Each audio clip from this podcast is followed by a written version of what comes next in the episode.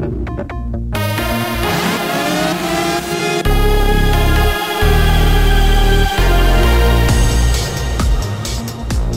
גלי צה"ל השעה 4 באולפן יובל גנור עם מה שקורה עכשיו. הוארך בשלושה ימים מעצרם של שלושת הצעירים החשודים בפשיעה לאומנית נגד ערבים. פרטי החקירה נאסרו לפרסום. כתבנו הצבאי דורון קדוש מוסר כי נגד החשודים הוצא צו המונע מהם להיפגש עם עורך דינם. לאחר הפיגוע בהתנחלות עלי התפרעו עשרות מתנחלים בכפר תורמוס איה הסמוך, שרפו כ-30 מכוניות והציתו כ-15 בתים. השר לביטחון לאומי איתמר בן גביר מגבה את המתנחלים שהקימו מחדש את המאחז הלא חוקי אביתר בנפת שכם מדרום לכפר הפלסטיני בטא. בביקור במקום קרא בן גביר ליישב את כל הגבעות באזור ואמר רוצו לגבעות ותתיישבו. עוד אמר השר לביטחון לאומי כי יש לצאת למבצע צבאי להוריד בניינים ולחסל עשרות, מאות ואם צריך גם אלפי מחבלים. כתב התחום הפוליטי שחר גליק מציין כי לאחר הפיגוע בהתנחלות עלי הוקמו שבעה מאחזים חדשים בשטחי יהודה ושומרון. ביממה האחרונה ביקשה מערכת הביטחון אישור לפנות כמה מהן, אך הדרג המדיני סירב לבקשה. המשטרה חוקרת תלונה שהגיש צלם העיתונות אבי אוחיון נגד מתפרעים דרוזים במהלך ההפגנה האלימה שלשום בצומת כפר ורדים בצפון. לדברי אוחיון, לאחר שצילם את המפגינים הדרוזים תוקפים נהג רכב שניסה לעבור במקום, דרשו ממנו המתפרעים למסור את המצלמה ואת ציוד הצילום שברשותו והעלו אותם באש. כתבנו קובי מנדל מוסר כי לאחר המעשה ניגשו אל אוחיון כמה מהמשתתפים בהפגנה ואמרו כי הם מתביישים במה שראו ואף הבטיחו לפצותו על הציוד שהושמד. המשטרה עצרה תושב בית שמש בן 23 בעקבות דברים שכתב בקבוצת וואטסאפ על ראש הממשלה נתניהו. על פי החשד, הצעיר התייחס להצעה שעלתה בקבוצה לצייד אזרחים בכלי נשק, וכתב אז יהיה נשק לכולם והזדמנות לדפוק לביבי כדור בראש. הוא נעצר בחשד שאיים לפגוע בראש הממשלה. כתבתנו בירושלים נועה ברנס מוסרת כי בית משפט שחרר את החשוד לביתו בתנאים מגבילים. האיחוד האירופי החליט להטיל חבילה נוספת של עיצומים, סנקציות על רוסיה בשל המלחמה באוקראינה. על פי ההחלטה של מועצת אירופה, 87 ארגונים וחברות המסייעים למפעל המלחמה של רוסיה הוכנסו לרשימה שחורה, בהן ארבע חברות איראניות המספקות לה נשק ומל"טים. פרשננו הצבאי אמיר בר שלום מציין כי נוסף על כך הוחלט שלא לאשר עוד לפולין ולגרמניה לייבא נפט מרוסיה, למעט נפט או גז שמקורו בקזחסטן וזורם בצינורות העוברים בשטחה של רוסיה. בתגובה הודיע משרד החוץ של רוסיה כי ירחיב את רשימת האישים שנאסר עליהם לבקר במדינה, והיא תכלול בכירים במערכת הביטחון, פקידי ממשל, אנשי עסקים וחברי פרלמנט אירופים. משרד החוץ במוסקבה הוסיף כי צפויות עוד תגובות בעקבות העיצומים שהטיל האיחוד האירופי. City. בעקבות הפיצוץ אמש במתקן הישן של חברת תהס בהרצליה, עיריית רמת השרון קוראת למדינה לעצור את תוכנית הבנייה של מפעל החברה הממוקם ברמת השרון. לדברי ראש העירייה אבי גרובר מדובר בתכנון לא אחראי ומסוכן על חביות חומר נפץ, וזו סכנת נפשות של ממש. נסיבות הפיצוץ בחוף נוף ים טרם התבררו. עשן רב עלה ממקום הפיצוץ ונותר נוצר בו מכתש גדול. בתוך כך משרד הפנים הודיע כי חוף נוף ים סידני עלי בהרצליה אסור לרחצה מחשש לפגיעה במצוק חוף הים. ידיעה של כתבנו אנה פינס ואדם פראג'. מזג האוויר מחר התחממות קלה. לכולכם, שבת שלום. אלה החדשות.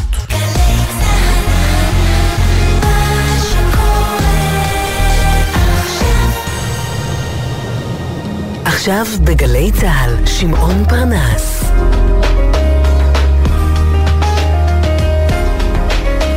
הבית של החיילים גלי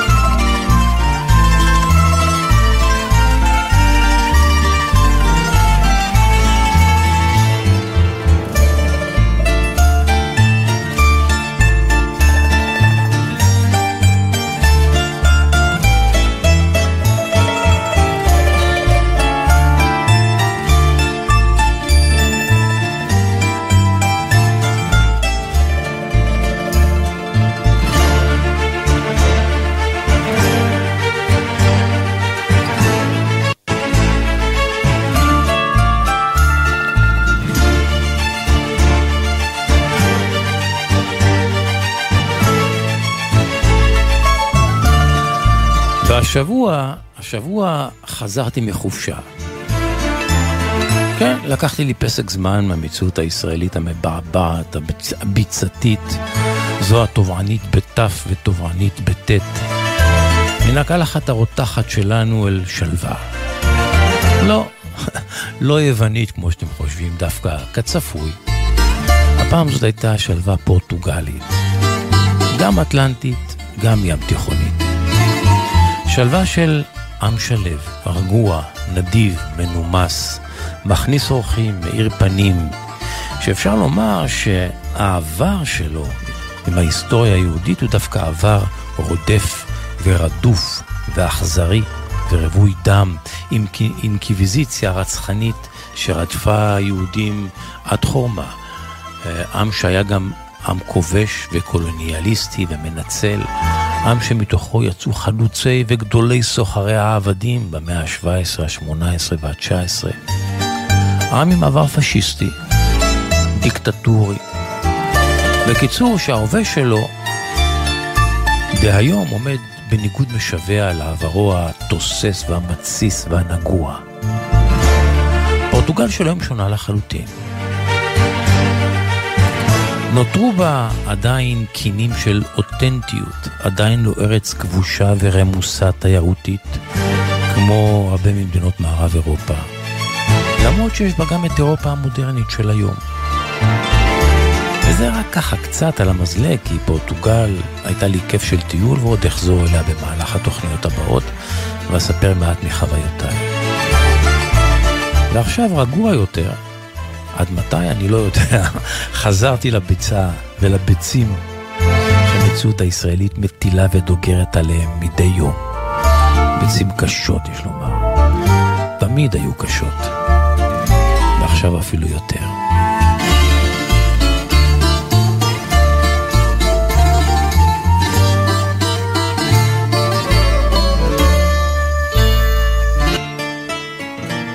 פסוקו הפותח של העונג השישי עוסק בבדידות.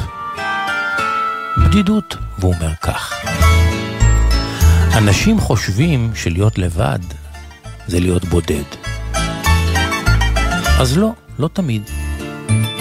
לרוב להיות מוקף באנשים הלא נכונים, זו הבדידות הגדולה ביותר.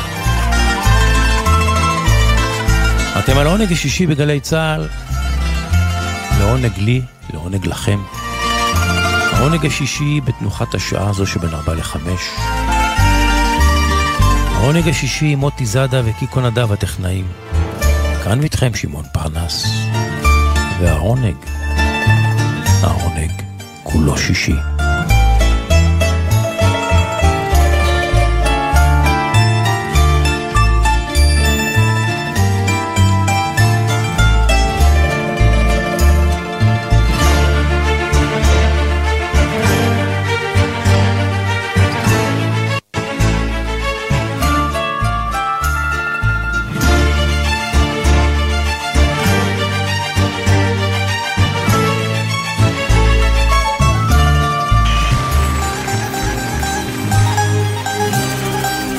אנחנו באיסטנבול,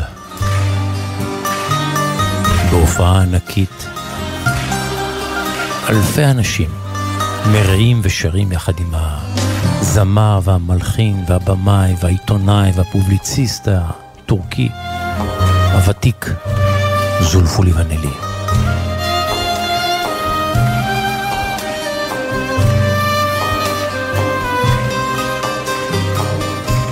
Sıvanın tefek yollar. Ağrıdan sızıdan tutmaz elleri. Tepeden tırnağa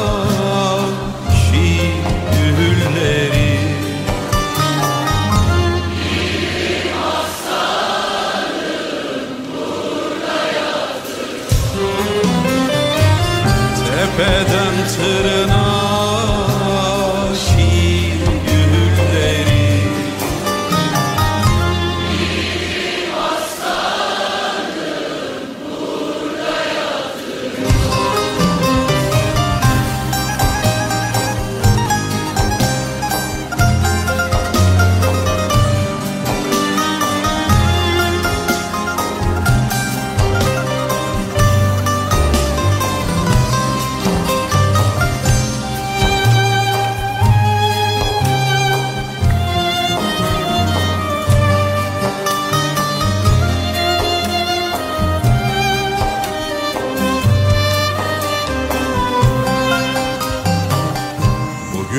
tarlayı açmasın güller.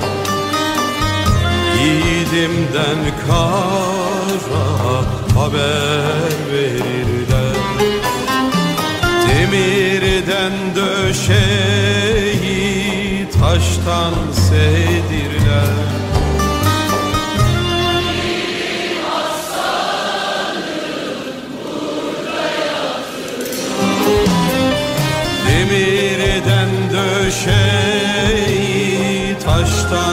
sei.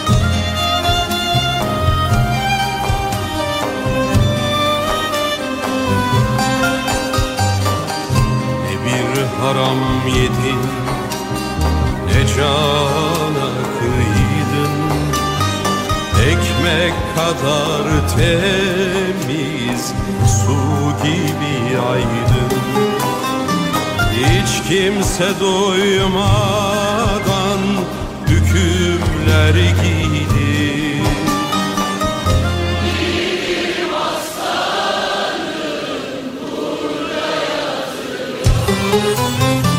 Hiç kimse doymadan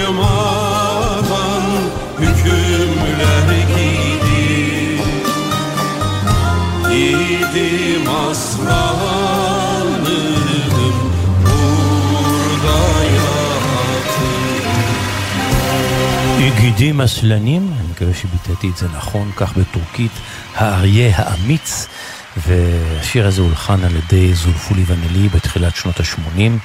השיר הזה נכתב על ידי, אה, על ידי המשורר הטורקי בדרי רחמי אייבוגלו, והשיר הזה נכתב על אה, משורר אחר, נג'ים היקמת, שנכלא באותה, באותם שנים בטורקיה, וזולפולי ונילי הלחין את השיר הזה בשוודיה, לשם הוא גלה בגלל ההפיכה בטורקיה בשנות ה-80.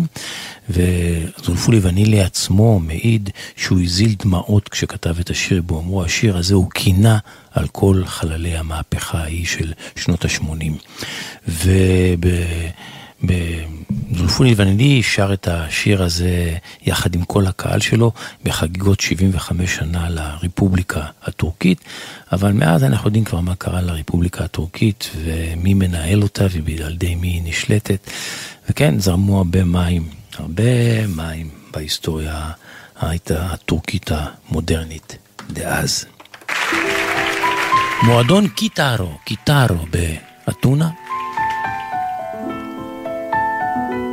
מופע משותף לאלני ויטלי, הזמרת הגדולה, שתומכת כאן ונותנת במה לזמרת צעירה ומקסימה ונגנית סנטור בשם ארתי קטמי. ולמופע הזה מצטרף גם האומן, נגן האוד, הקלסיקן הארמני, שחי בסוריה ואחר כך היגר ליוון, הייג יזדיאן שמו. ובפתח המופע הראתי כתמי פותחת את המופע הזה עם שיר שבמקור שרה כמובן אלני ויטלי, וזו הגרסה של הראתי כתמי אודות uh, פרח הציפורן, או גריף הלומו.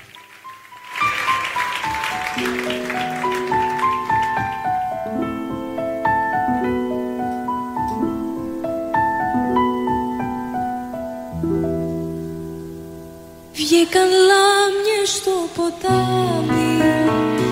Σύννεφο έβαλαν γιορτάνι.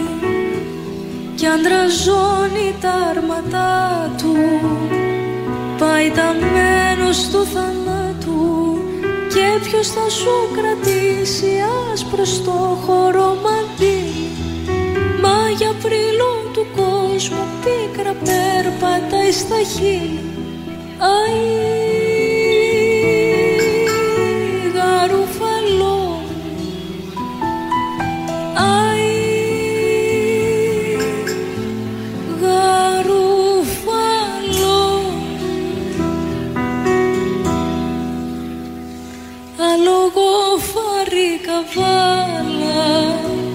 Δράκι του σαν κρεμάλα προς το μάρμαρένιο αλόνι στέκει και το πεταλόνι άνεμη να γυρίσει παραμύθι να αρχινήσει μαύρο κρασί να πιούμε το φεγγάρι έχει μεθύσει.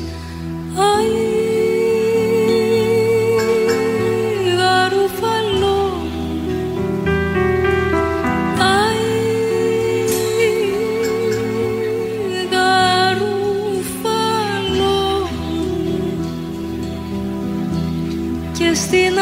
άκρη στο ποτάμι μια φλογέρα ένα καλάμι. Κάνει το καημό φλογέρα το παράπονο του αέρα. Και ποιος θα σου κρατήσει άσπρο στο χώρο μαντήλι; Μα για πρίλο του κόσμου πίκρα περπατάει στα χείλη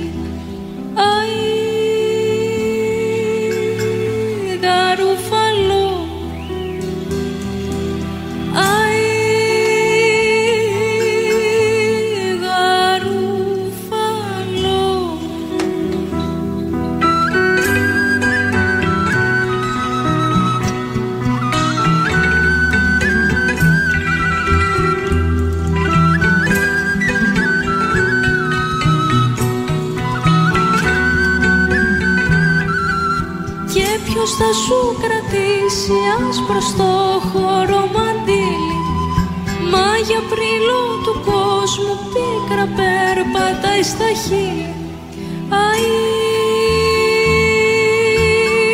γαρουφαλό μου. Αΐ γαρουφαλό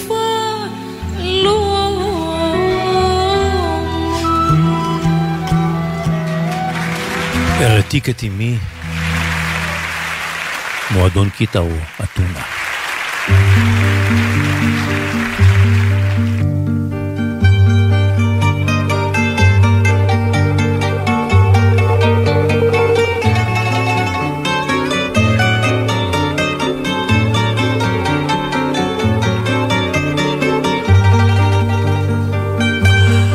מיומנו של מדריך טיולים עם חיים קוזניץ. חיים קוזניץ, קוזניץ, שבת שלום לך. עוד מעט. עוד מעט שבת שלום שמון, סוף סוף שומעים את הקול שלך. למה? מה קרה? תקשיב, אתה לא מאמין, התוכנית לא שודרה כמה שבועות שהיית בחופש. כן, שבועיים. קיבלתי, קיבלתי, שמעון, אני לא ספרתי, אבל עשרות פניות, אם זה בפייסבוק, אם זה במקומות אחרים שם אני נמצא, מה קרה לפרנס? למה רואה אותו משודרת? אז בהתחלה עניתי, הוא בחופש, הוא בחופש, עד שנמאס לי לענות, אבל רבאק, גם לשמעון פרנס מותר להיות בחופש. כן, נכון, נכון. אבל תענוג תודה על. הפרגון, תודה על הפרגון ידידי, תודה. שמעון, תענוג לחזור, התגעגעתי לשמע קולך, מה שנקרא. תודה, תודה רבה. מה שלומך אתה? וואלה, נפלא. אתה יודע, חזרתי לפני שלושה, מתי? יום שלישי חזרתי מרומא, הייתי עם קבוצה, של, קבוצה שמחה של ישראלים. לקחתי אותם למסעדות שאני אוהב, לפיצריות שאני אוהב. רומא אהובתך. כן, שתינו אפר, איטליה אהובתי יותר נכון. כן, אבל רומא במיוחד. נכון, אפרול שפריצים, והיה כיף לא נורמלי, ועכשיו בארץ, גם יש לנו ארץ יפה, ארץ יפה. איפה לטייל, איפה זה, תענוג. יופי. וסיפור? אבל תשמע, אתה יודע, אני, אני מופיע בתקופה הזו בארץ, יש, יש כזה חוג חברתי בארץ של הרבה קבוצות של חברים שנפגשים בדרך כלל בימי שישי, מהמם. לארוחות, ונוהגים להזמין כל מיני אנשים, מרצים, ביניהם גם אותי. כן. ואני מופיע בכאלה מקומות, ובאחד המקומות שהופעתי, אחת, ה... אחת המשתתפות שם הייתה מדריכת טיולים, לא הכרתי אותה, בשם אורנה, והיא סיפרה סיפור שהיה לה במהלך הדרכה באוקראינה. האמת, שמעון, אני אף פעם לא הייתי באוקראינה. אתה? לא. גם לא. והיא מספרת שהיא עברה לאוקראינה מפולין עם נהג פולני לכמה ימים באוקראינה ואחר כך חזרה לפולין עם האוטובוס והם הגיעו לעיר לבוב ושם הם, הם ירדו מהאוטובוס עם הקבוצה וטיילו וכשחזרו, עלו לאוטובוס, הנהג התחיל לנסוע, היא מספרת לי, פתאום איזה רכב קטן צץ מאחת הסמטאות התחיל לנסוע מולם נגד התנועה, ממש בלם בחזית האוטובוס, האוטובוס גם נאלץ אה, לבלום. מהרכב הקטן יצא בריון עם צעקות ו... ו- ומראה לנהג לרדת, והנהג הפולני ירד, וצעקות שם, היא לא מבינה מה קורה, ירדה וניסה להבין מה קורה, מה הסתבר? הבריון הזה טוען שהאוטובוס, כשהוא יצא מהמקום שבו הוא חנה, שהוא שפשף לו את האוטו. היא מספרת לנו, אומרת לי, קוזניץ, הלכתי עם מיקרוסקופ, אתה לא רואה שריטה במקום שהוא טוען, עם מיקרוסקופ. אבל טוען שהוא שקשב, והנהג אומר מה פתאום, ופה ושם וזה, ואומר לו הבריון, בוא אני מזמין משטרה, תיסע איתי לתחנת המשטרה. לא אין ברירה, בריון, מי מתעסק איתו? ההוא עם האוטו הקטן, האוטובוס עם כל המטיילים של אורנה, נוסעים תחנת המשטרה אחרי הרכב. והנהג אומר, לא פגעתי בהם שם כלום, אין סימן. נעצר, נעצרים, יורדים, הנהג עם הבריון הולכים לתחנת המשטרה, אורנה מספרת שהיא פנתה אליהם לראות מה קורה, ושם היא אומרת במסדרון, התחיל להתפתח ויכוח שסביבם שלושה ארבעה שוטרים, התחיל להתפתח ויכוח, והנהג טוען שהוא שרד, הוא טוען שלא, ו- ופתאום אחד השוטרים מדבר עם הנהג, והנהג נראה לעצבני, אומרת לו, מה קרה? הוא אומר להם, הוא אומר להם, הם רוצים שאני אבוא ליום שני למשפט. איך אני אבוא לעוד ארבעה ימים למשפט? מחר אנחנו חוזרים לפולין. ממשיך הוויכוח להתנהל, ואורנה מספרת שמסתבר שהתחיל להתנהל משא ומתן על גובה הקנס. שואל אחד השוטרים את ה... אבל אין סימנים, על מה? על מה? אין סימנים. מה, רואים שאין סימנים. אין, אבל הוא טוען, הוא טוען שפשף. מה זה הוא טוען? אחד השוטרים, אורנה אומרת, אחד השוטרים הלך לראות, הוא אמר, כן, יש שפשוף. היא אומרת לי, חיים, מגדלת אתה לא רואה שפשוף. קיצור עוקץ, נו. מתחיל ויכוח, שמעון, אומרים, הם שואלים את הנהג כמה אתה מרוויח, הנהג אומר 500 יורו לחודש, הם אומרים, אנחנו מרוויחים 100 יורו לחודש, השוטרים. הם רוצים קנס. הוויכוח מתנהל, מתנהל, סיכמו שמעון בסופו של דבר על 80 זלוטי. 80 זלוטי זה משהו כמו 80 שקלים. לנהג לא היה את הכסף, אורנה אומרת, היא יוצאה מכספה. נתנה 80 זלוטי ל... יאללה, רק תעזבו אותנו במנוחה, שחררו אותנו. כן, אתה יודע, היא אומרת, לא קבלה, לא דוח, לא חתימה, לא כלום, 80 זלוטי לשוטרים. לכיס שלהם זה שוחד, נו. חזרו לאוטובוס, המשיכו את היום, היה בסדר, ולמחרת הם נוסעים לגבול לפולין, למעבר הגבול לפולין. ולפני מעבר הגבול, היא אומרת, כשני קילומטר לפני מעבר הגבול, יש מחסום משפטי. האוטובוס מאית, אחד השוטרים מאותת לאוטובוס לעצור בצד, האוטובוס עוצר בצד, אחד השוטרים ניגש, דופק על דלת האוטובוס, יפתח את הדלת, הנהג אומר לה, תסתכלי, תסתכלי מי זה.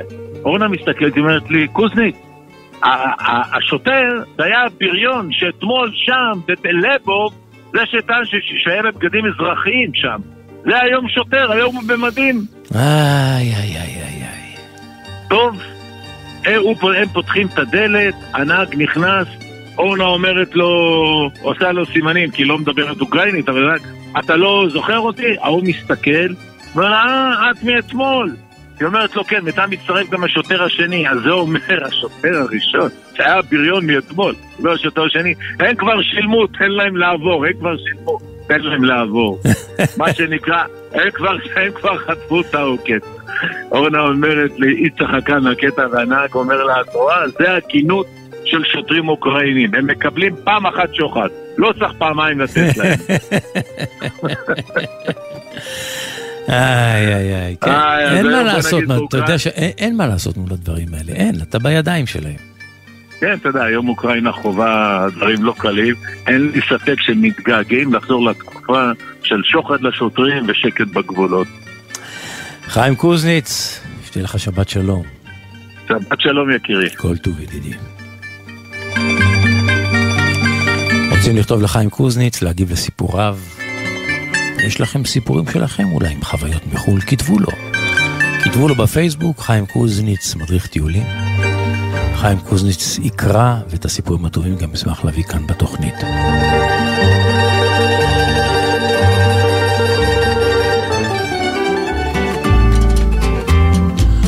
אומרה פורטונדו הוותיקה מקובה חברה במועדון הבואנה ויסטה, שרה את שיר האהבה היפה הזה. וידוי שלה, היא אומרת לאהובה, אני רוצה להתוודות בפניך את הסודות שלי. שלוש מילים, לא יותר, היא אומרת. טרס פלברס, זה הווידוי שלי.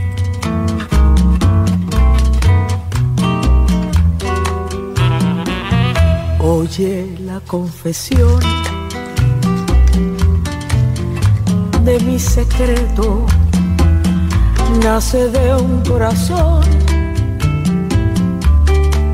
que está desierto, con tres palabras te diré todas mis cosas, cosas del corazón que son preciosas. Dame tus manos,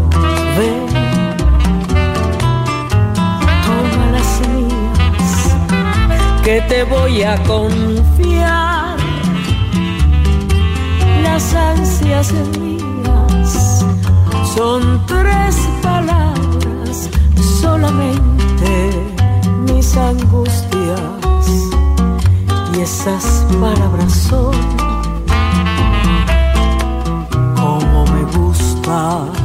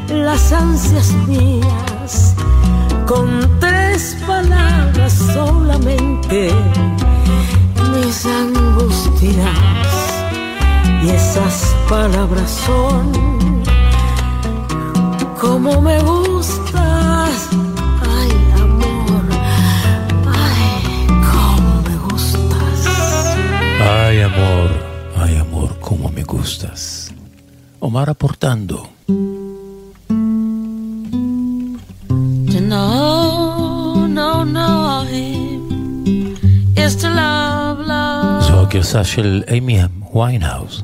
Just to see their smile makes my life worthwhile.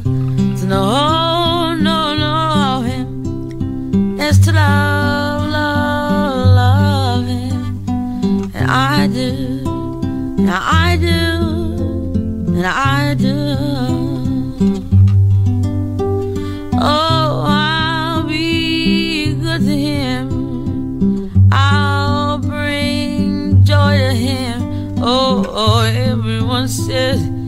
Come a day when I'll walk alongside of him to know,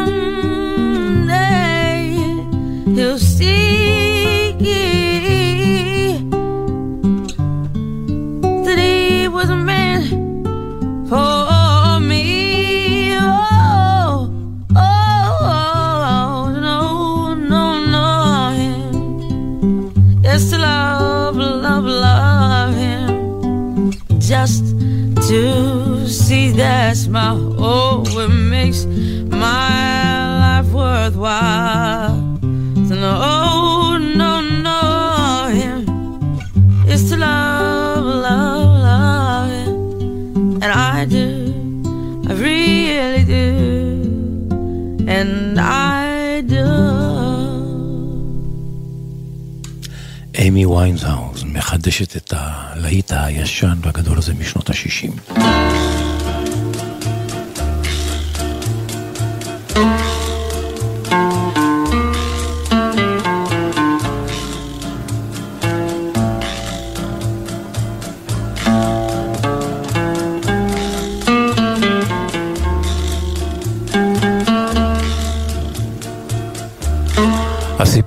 הקטנים מאחורי התמונות הגדולות, עם הצלם והמרצה משה שי.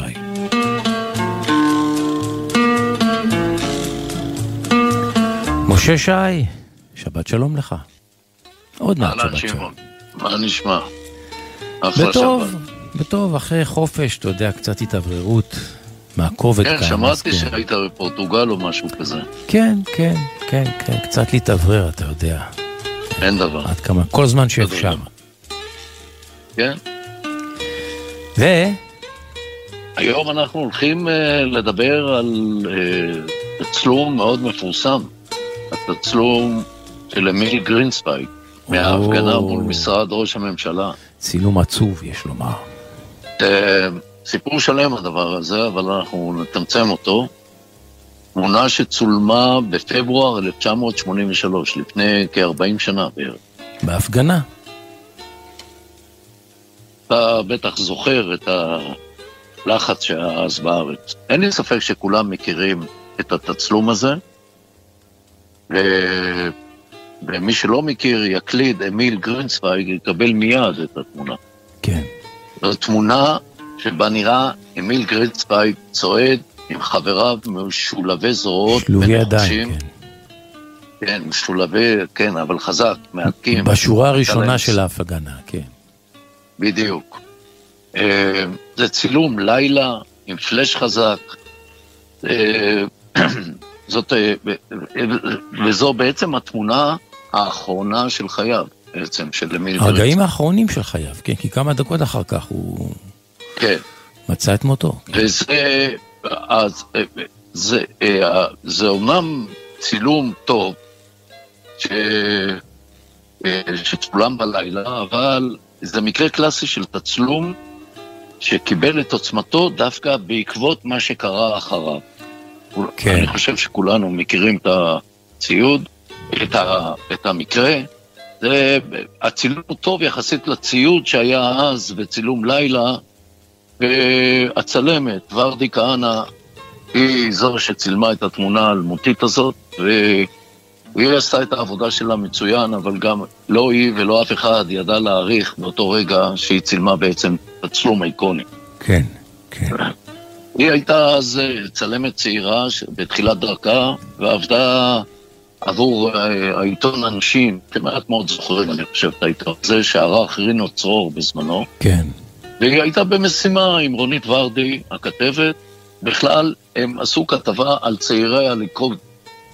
והיא נקלעה בעצם להפגנה. רגע, רונית ורדי הייתה הכתבת או הצלמת? תדייק. יש רונית ורדי, שהיא הכתבת, וורדי כהנא, צלמת ורדי כהנא, מוערכת אוקיי. מאוד כן, וותיקה, כן. שעשה את העבודה. אה, כזכור, רק נזכיר, הרקע להפגנה, למי שלא זוכר כל כך, זו הפגנה של תנועת שלום עכשיו במצעד מחאה שצעדה מכיכר ציון בתל... אה, בירושלים לעבר משרד ראש הממשלה. בעקבות מה? תזכיר למאזינים. בגין דרשה לקבל את מסקנות ועדת כהן שחקרה את הטבח בסבא ושתילה בזמן מלחמת לבנון, כן. והטילה אחריות על ראשי המדינה, אבל בעיקר לפטר את שר הביטחון אריאל שרון ועוד שני קצינים. וההפגנה הייתה קשה, זו גם הסיבה שהם שילבו זרועות כדי לא להתפרק, כי הם חטפו יריקות, אבנים, אלימות, והם החליטו לא להחזיר אה, באלימות, הם צעדו שלובי זרועות כדי לשמור אחד על השני, פחות או יותר. תראה, אני את ורדי כהנא, היא חברה טובה, אנחנו מכירים הרבה שנים, ושאלתי אותה... היא עדיין צלמת ש- פעילה, ורדי? היא צלמת פעילה. עדיין. היא, אבל אה, זמן קצר אה, יחסית, אה, עבדתי איתה גם בעיתון חדשות כל השנים שעיתון חדשות עבד, והיא הפכה להיות יותר צלמת סטודיו אה. ופחות צילום ניוז יומיומי. וגם אחרי זה עבדתי איתה עוד כמה שנים טובות בידיע, בידיעות אחרונות, הצטלבנו בעוד מקרים רבים, ו... והיא סיפרה לי את הסיפור שלה, והסיפור שהיא באמת הלכה לעשות כתבה, צלמת צעירה נמרצת, והיא בעצם נקלעה לה, להפגנה הזאת, ואתה יודע, צלם שרואה שיש אקשן הולך ו...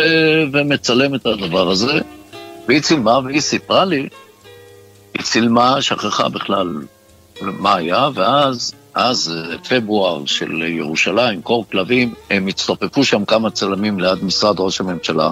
ההפגנה כבר התפוגגה, החבר'ה משלום עכשיו שרו את התקווה והתחיל להתפוגג, והם עמדו שם, הצלמים, כמה צלמים היו שם, גם רואים בתמונה אגב, צלם נוסף של ידיעות אחרונות שעמד יותר גבוה, פשוט פספס את התמונה.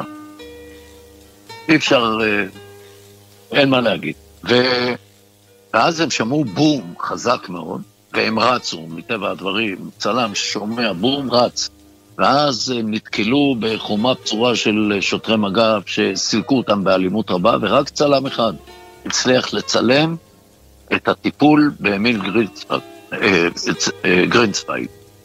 אה, אה. אה, הייתה שמועה שמישהו נפצע. אחר כך השמועה הפכה למישהו נהרג, וירד אבל של... גדול על, על כל הנוכחים שם.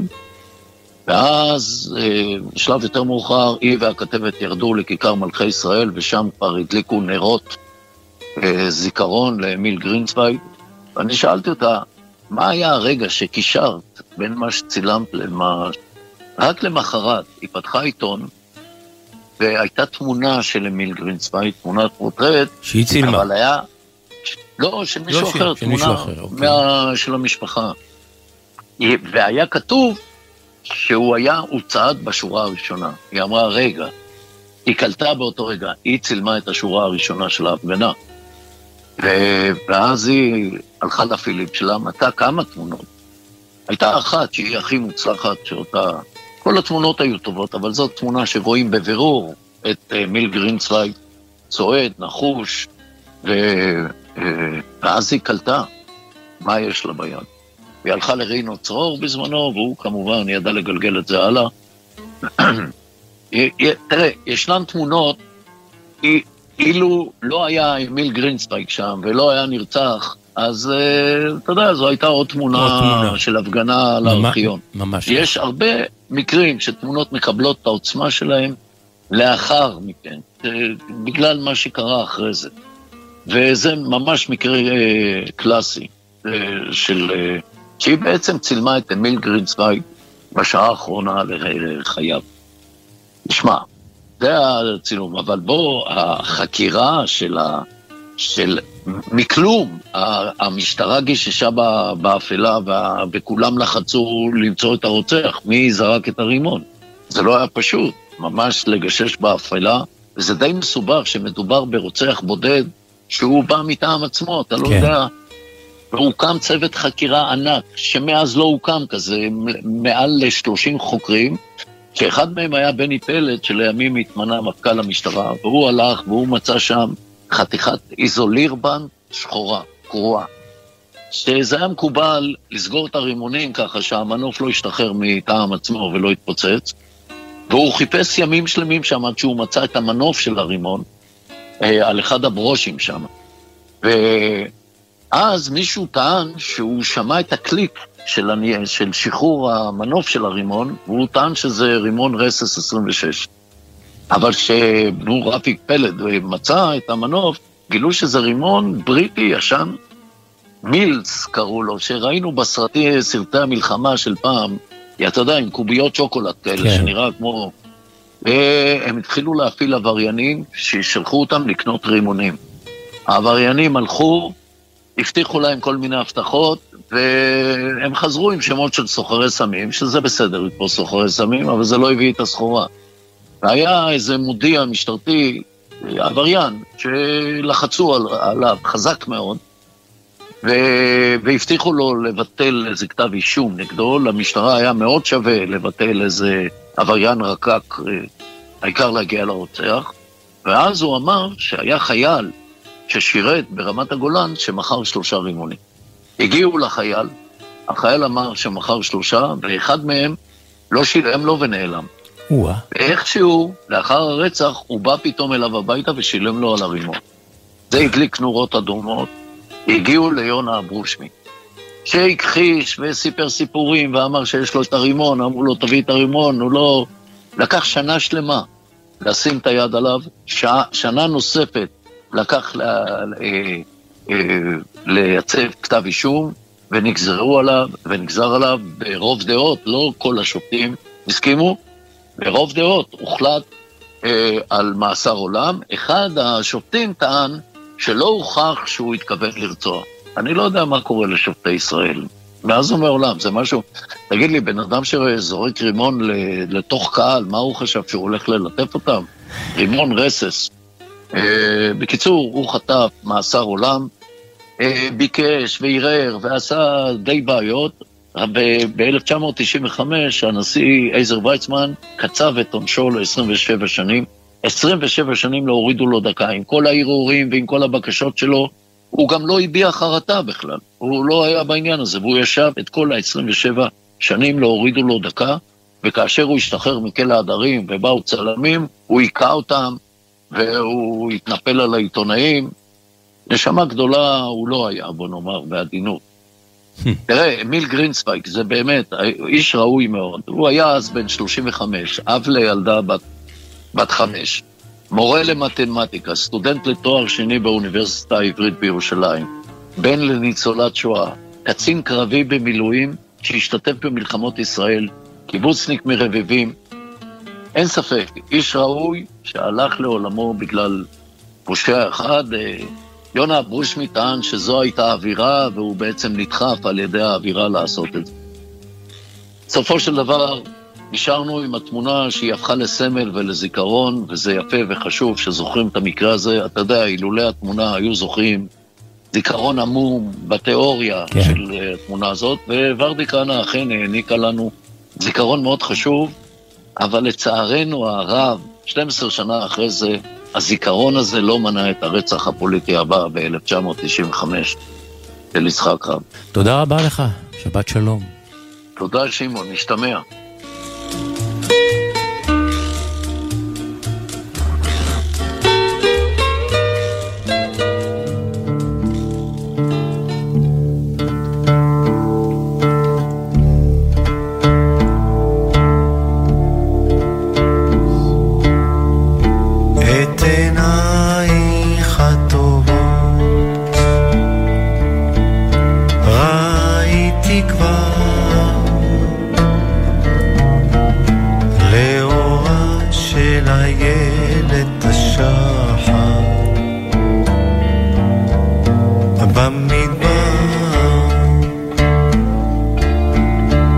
את עינייך הטובות.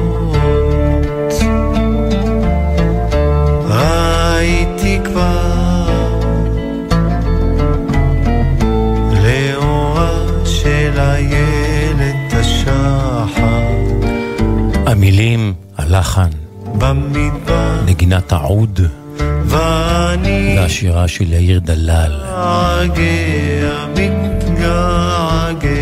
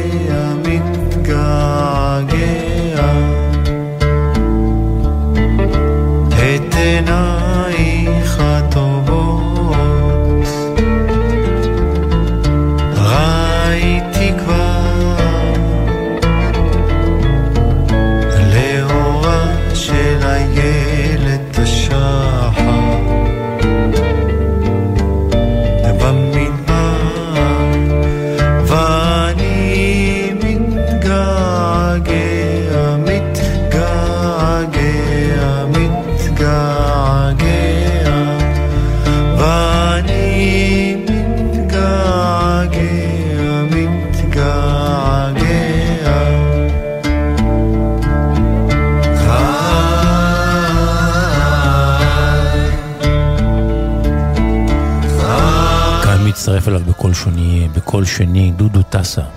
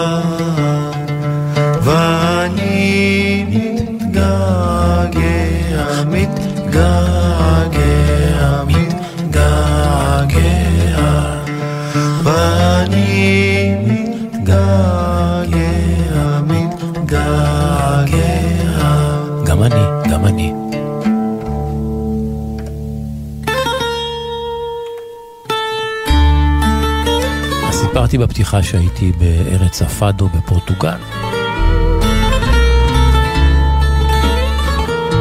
שם גיליתי שהזמר הזה, שאני מאוד אוהב, כבר הלך לעולמו, קרלוס דו קרמו, אחד מגדולי זמרי הפאדו של פורטוגל.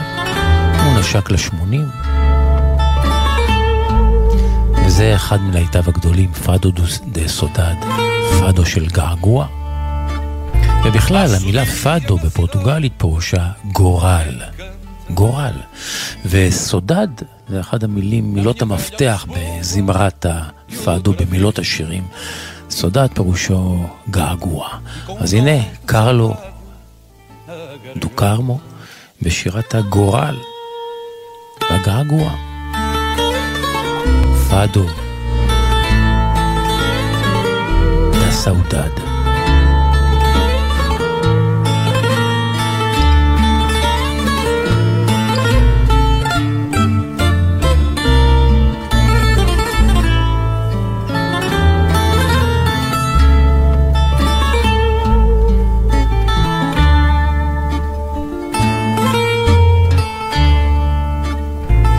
Nasce o dia na cidade que me encanta. Na minha velha Lisboa de outra vida. E com um nó de saudade na garganta. Escuto um fado que se entoa à despedida. E com um nó de saudade a garganta. Escuto um fado que se entoa à despedida. Foi nas tabernas de Alfama, em hora triste, que nasceu esta canção, o seu lamento. Na memória dos que vão, tal como o vento. O olhar de quem se ama e não desiste. Na memória dos que vão, tal como o vento. No olhar de quem se ama e não desiste.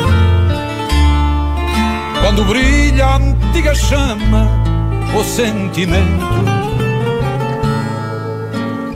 Ouço este mar que ressoa enquanto canta. E da bica à madragoa num momento Volta sempre esta ansiedade da partida. Nasce o dia na cidade que me encanta. Na minha velha Lisboa de outra vida. Quem vive só do passado, sem motivo, fica preso a um destino que o invade.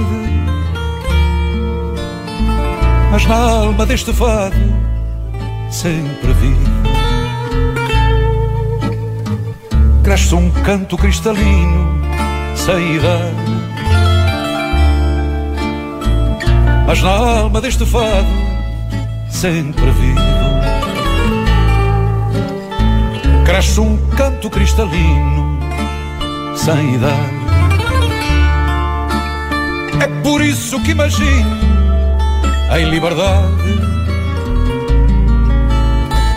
Uma gaivota que voa renascida. E já nada me magoa ou desencanta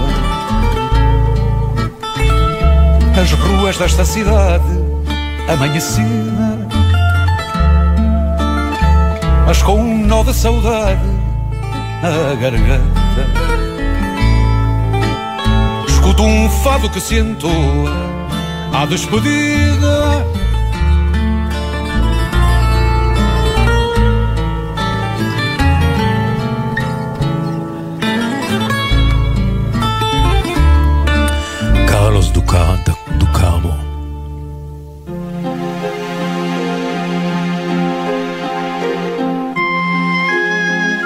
פסוקים נבחרים מהפטרת השבוע, קורא השחקן יוסי קינן.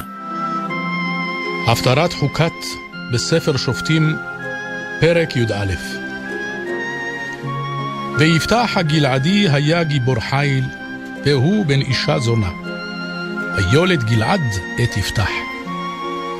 ותלד אשת גלעד לו בנים, ויגדלו בני האישה, ויגרשו את יפתח.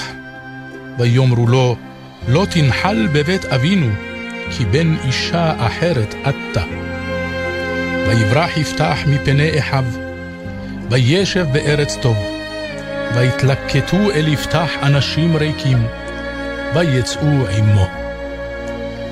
ויהי מימים, וילחמו בני עמון עם ישראל.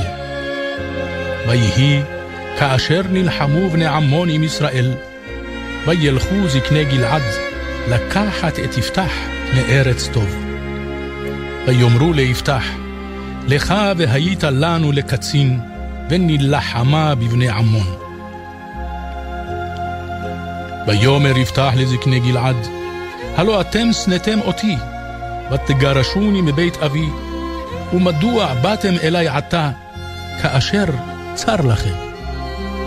ויאמרו זקני גלעד אל יפתח, לכן עתה שבנו אליך, והלכת עמנו, ונלחמת בבני עמון, והיית לנו לראש, לכל יושבי גלעד. ויאמר יפתח אל זקני גלעד, אם משיבים אתם אותי להילחם בבני עמון, ונתן אדוני אותם לפניי, אנוכי אהיה לכם לראש. ויאמרו זקני גלעד אל יפתח, אדוני יהיה שומע בנותינו, אם לא כדברך, כן נעשה.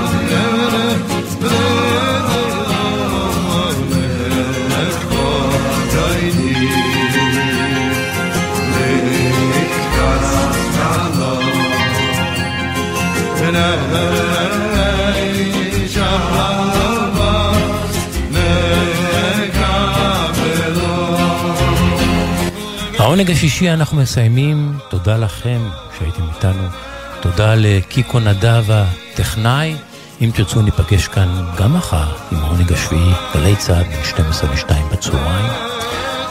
שבת שלום, המשך האזנה נעימה, והעונג, העונג כולו שישי.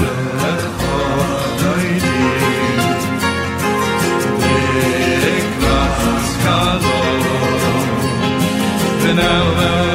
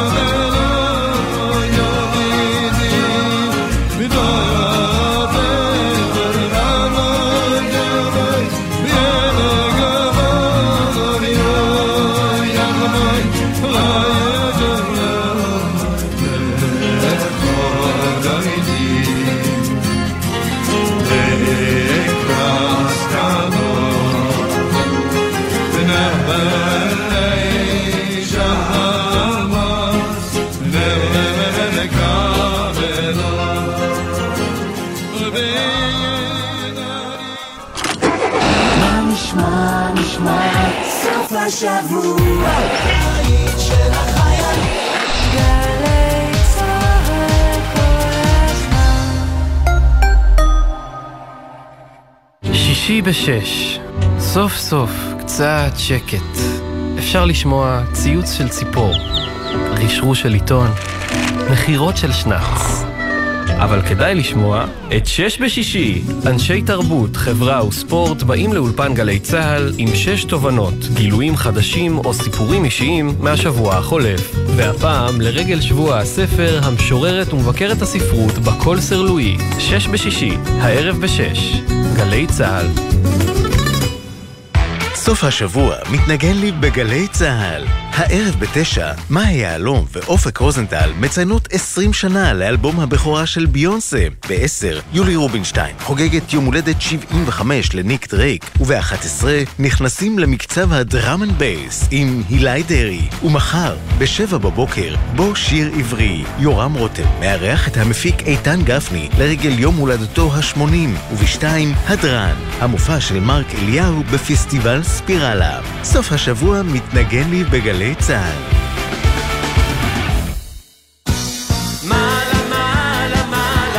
מעלה מעלה, מופע מחווה למלך הפופ צביקה פיק. משתתפים דנה אינטרנשיונל, רותם כהן, מאיה בוסקילה, קובי אפללו, אמרי זיו, מאי פיינגולד, אילנה אביטל, שרי, שימי תבורי וריקי בן ארי, במסגרת מופע הנעילה של פסטיבל אשדודנס. חמישי, תשע בערב, אמפי אשדוד, ובקרוב בגלי צה"ל. מיד אחרי החדשות, נעמי רביע ומאירה ברנע גולדברג.